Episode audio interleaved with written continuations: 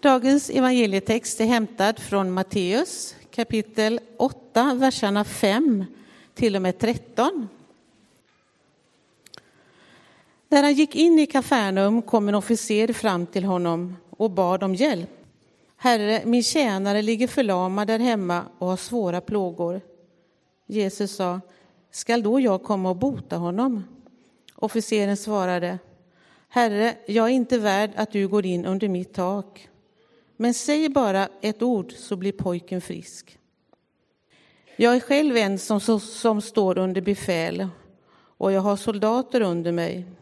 Och jag säger till den ene, gå, så går han, och till den andra, kom, så kommer han. Och säger jag till min tjänare, gör det här, så gör han det. Jesus blev förvånad och sa till dem som följde honom, sannerligen, inte hos någon i Israel har jag funnit en så stark tro.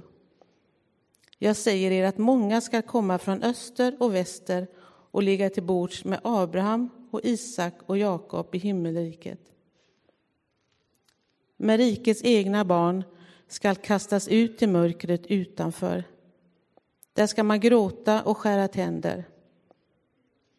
Och till officeren sa Jesus, gå, du trodde och det skall ske.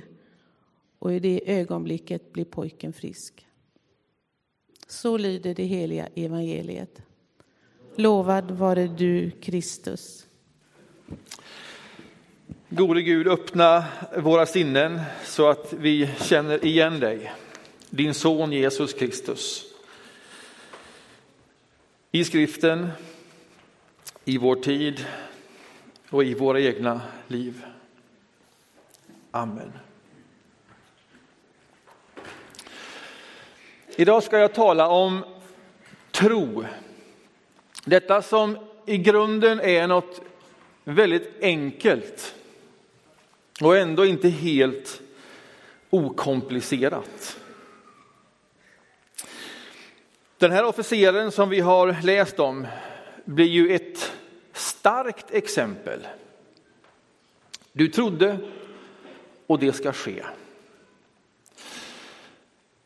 Och somliga andra som man tänkte sig att de hade väl tron, ja de skulle hamna på utsidan. Men sådana som han, de hamnar på insidan. Du trodde och det ska ske. Ja, vad är tron egentligen?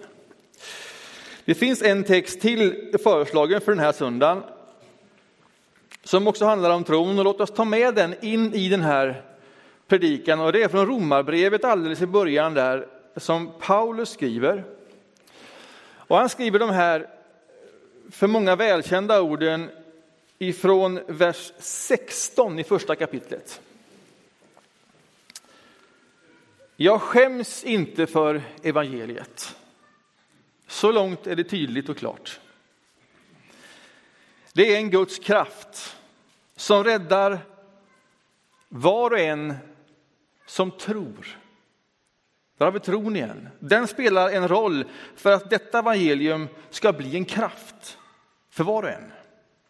Ja, för juden främst, men också greken.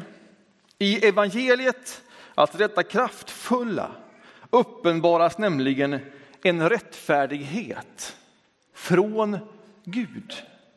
Alltså någonting kommer till oss i detta evangeliet. Det är en rättfärdighet och den kommer från Gud. Den uppenbaras, blir synlig och tillgänglig. Det är vad som händer. Hur då? Jo, genom tro till tro. Det är inte lika uppenbart längre vad det är Paulus skriver. Vad betyder det genom tro till tro? Och så lägger han till en gammaltestamentlig referens som det står skrivet. Den rättfärdige ska leva genom tron. Det där får man läsa många gånger. En del enkelt, annat mer komplicerat. Och det är inte bara vi som tycker att Paulus nu och då är oklar eller komplicerad. Den dyre brodern Petrus Alltså han på vilken, vilkens tro kyrkan skulle byggas. Han skriver om sin dyre broder Paulus att somligt är inte enkelt att förstå. I sitt sista brev. Så vi är i gott sällskap. Det är vi och Petrus som tycker att det här från tro till tro, det ligger någonting i det. Men vad är det som ligger i det? Och så finns det en vilja att gå in och försöka förstå allting och lägga det till rätta så att det passar in i ett system, en ekvation.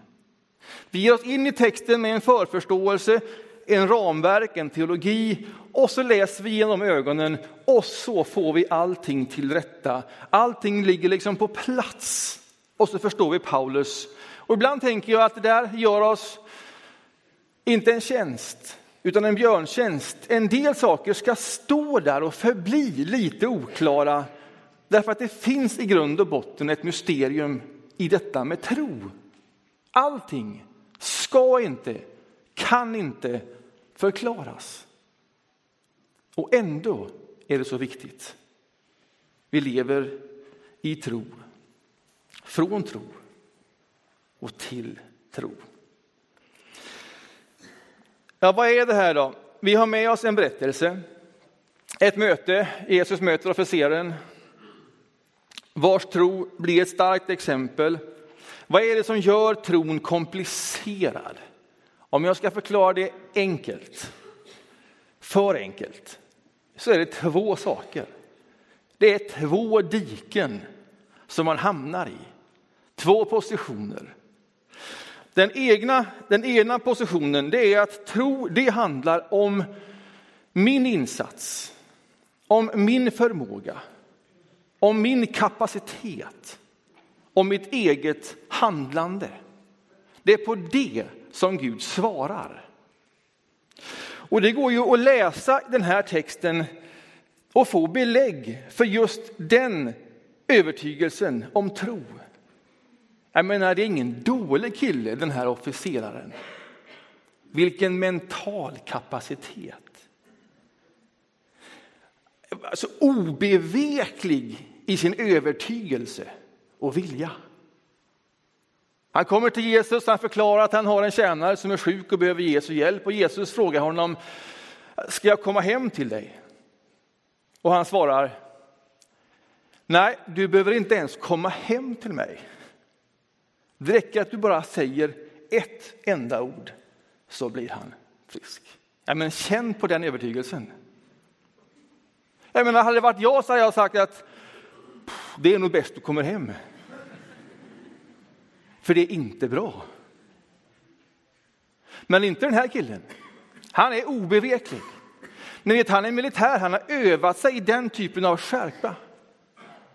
Mental skärpa, beslutsamhet, hierarki, ordning och reda. Även om han säger någonting, då blir det så. Han vet att det fungerar så. Och han går in med hela den här erfarenheten, han lägger det här rastret på Jesus. Och så är det det som sker. Den som ändå var så beslutsam. Så disciplinerad i tanken. Så övertygad. Så mentalt stark. Att när jag ber Jesus om någonting så finns det inget vacklande i den tanken whatsoever. För om det vacklande kommer in i tanken så är ju tron inte lika stark. Och undret uteblir. Eller? Är ni med på första diket? För det här är ett dike, tänker jag. När den egna insatsen blir så viktig.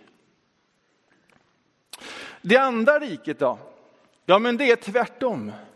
Att den egna insatsen är helt oviktig. Jag menar, tron är en gåva. Tro handlar bara om att ta emot. Det är i alla dimensioner nåd. Det definierar tron. Du behöver inte ens tänka tanken, Gud agerar ändå i sin oerhörda nåd och kärlek. Vi bara finns här i den här skapelsen. Allt är ett Guds verk. För det är ju ändå så att, att det är Jesus som säger gå. Din tjänare är frisk. Det har redan skett. Det var ju Jesus som gjorde det. Det var ju där i kraften fanns. Det var ju det som var officerens stora vittnesbörd. Jag menar, han visste i sig själv, om han som officer säger till någon gå, så går den personen. Det är inget alternativ. Och så lägger han det rastret på Jesus. Och om Jesus säger, det vill säga inte officeren, men om Jesus säger bli frisk, så blir någon frisk. Det har ingenting med officerens tro att göra. Utan det är Jesus som agerar. Från tro och till tro. Här har du ytterligheterna i tro. Det är det här som gör tron komplicerad. Hur mycket är tron beroende av mitt eget insats? Och hur mycket är det Gud som agerar oavsett egen insats? Och om du vacklar någonstans här emellan så är du i gott sällskap, kära syster och bror. Du är i kyrkohistoriskt gott sällskap. Den här frågan dyker upp nu och då hela tiden. Vad är egentligen tro? Hur ska vi förstå tro? Och det är konstigt att man inte bara landar in i en hållning och sen har man löst den frågan. Nej, somligt är fortfarande komplicerat att förstå. Och ändå tillräckligt enkelt för att leva ett helt liv i tro. Det här var ju på 1500-talet Martin Luthers stora fråga. Den om tro och vad tro var och om den var beroende av vår egen insats. Alltså han såg någonting som verkligen behövde reformeras. Tron hade blivit så helt beroende av kyrkliga handlingar. Det vill säga, om jag gjorde på ett visst sätt och om en bestämd person gjorde på ett visst sätt. Om man bara uppfyllde allt det där, då visste man att Gud agerade och handlade. Och Martin Luther han blev fullständigt frustrerad över det där. När så mycket var en betoning på vår egen insats och handlande. Och så kommer han på att när han läser sin Paulus, det är inte så det står. Men tron är ju en gåva. Tron kommer till oss. Tron är ju inte beroende av att vi gör på ett visst sätt eller att vem någon speciell gör på ett visst sätt. När tron kommer till oss som en gåva. Som en Guds nåd. Det var ju en av de sakerna som han kom fram till. Och frågan handlar, ja vad är tro? Vad gör Gud? Och vad gör vi för att det ska bli tro? Och en del tog det här längre, ja det är verkligen en Guds gåva. Alltså frågan är överhuvudtaget vilken plats den egna viljan har. Om den finns. Om inte allting är förutbestämt och predestinerat. Och det blir förlängningen till sist. När den egna handlingen och insatsen inte nästan betyder någonting för tron. Och så var det här som inte bara Luther och en katolsk kyrka utan andra reformerta och anabaptister rörde sig och det buljade fram och tillbaka. Hur ska man egentligen förstå tron? Vad gör Gud och vad gör vi? Och det är fortfarande en fråga. Den är inte löst. Ja, det kan man ju tro ibland. Det vill säga att någon av alla de här giganterna i vår kyrkohistoria, den fångar in sanningen. Och så länge vi bara håller oss till en persons perspektiv, då har vi löst frågan. Men så ser ju tillvaron sällan ut. Lek med tanken att det inte bara var en person som fick fatt i sanningen och alla andra gick vilse. Det är också möjligt. Tänk om det var så att alla fick fatt i någonting av sanningen när det kommer till tron. Att vi kan närma oss vår egen historia mera ödmjukt och se vad var det de hittade när de verkligen gav så mycket tankemöda och läste skriften så noga i den här frågan. Och vad tar vi med oss för guldkorn i vår egen historia? När jag läser detta så tänker jag att det finns någonting att lära hos alla. Det finns någonting att lära just i spänningen mellan de här två positionerna. Att de behövs båda två. Att vi inte spelar ut det ena mot det andra. Utan att det är just i mötet, i samspelet mellan vad jag gör och vad Gud gör som tron uppstår. Det kanske inte är en ekvation att lösa ut. Tron är verkligen en gåva. Men det verkar inte helt oväsentligt att jag själv tar emot eller responderar på den.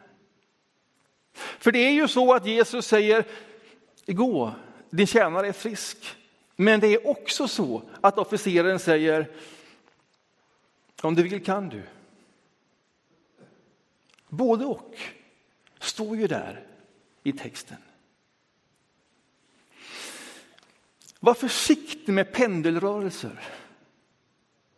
Det är så lätt att gå därifrån och dit.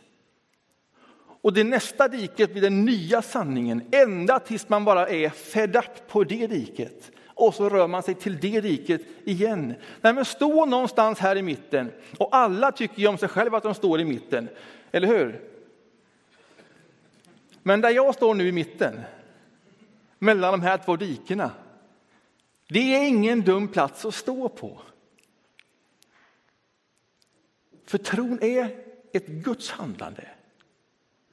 Och tron är också min egen vilja och insats. Och i det samspelet sker någonting förundligt. Ett liv i tro. Det kan vara bra att jobba med diken och pendelrörelser. Det kan vara bra att göra det tydligt av pedagogiska skäl. För att ställa sig själv frågan, vart någonstans står jag? Och vart någonstans behöver jag röra mig? Om jag står här och tänker att det blir som det blir. Gud verkar. Allt är en gåva. Allt är nåd. Det finns en fara att det till sist blir ett distanserande till tron. Kanske rent av ett teoretiserande. Om du står här så kanske du ska närma dig det andra riket. Det vill säga, vad kan vara ett steg där jag lägger in någonting av mig själv i den här ekvationen, i ett liv av tro? Vad händer om jag faktiskt formulerar min tro tydligare i en förväntan på Guds ingripande? Jag har vänner omkring mig, de brottas med olika saker, någon med hälsa, någon med ett livsval, någon med någonting annat. Tänk om jag inför Gud i en egen insats klär dig i ord, gode Gud, och du ber för någon att bli frisk. Eller att hamna lätt i ett livsval. Att du skulle kunna interagera med Gud på ett annat sätt. Tänk om det då skulle hända någonting, att du skulle gå från tro och till tro i det agerandet. Jag skulle vilja uppmuntra dig till det. Och om du står här, väldigt mycket här, om du läser texten om officeren som det stora exemplet och du känner om jag ändå bara var ännu mer fokuserad, obeveklig, stark mentalt. Om du ser tron som en andlig mental muskel som du bara ska bara öva den lite till så kommer vi igenom. Så kanske du skulle gå åt det här hållet. Släppa ner axlarna. Ta emot Guds nåd. Och säga till dig själv, resultatet är inte mitt ansvar. Det är ändå så att tron är en gåva. Också. Och så går du åt det hållet. Hela vägen? Nej, går det för långt det hållet, då får du gå tillbaka igen. Och jag tror ingen gång i livet kommer man hamna på en optimal position. Du kommer röra dig här emellan, precis som kyrkohistorien rör sig här emellan hela tiden. Tron är så levande och dynamisk. Och den är en del i våra liv hela tiden. Och den behöver hela tiden korrigeras, utmanas, fördjupas.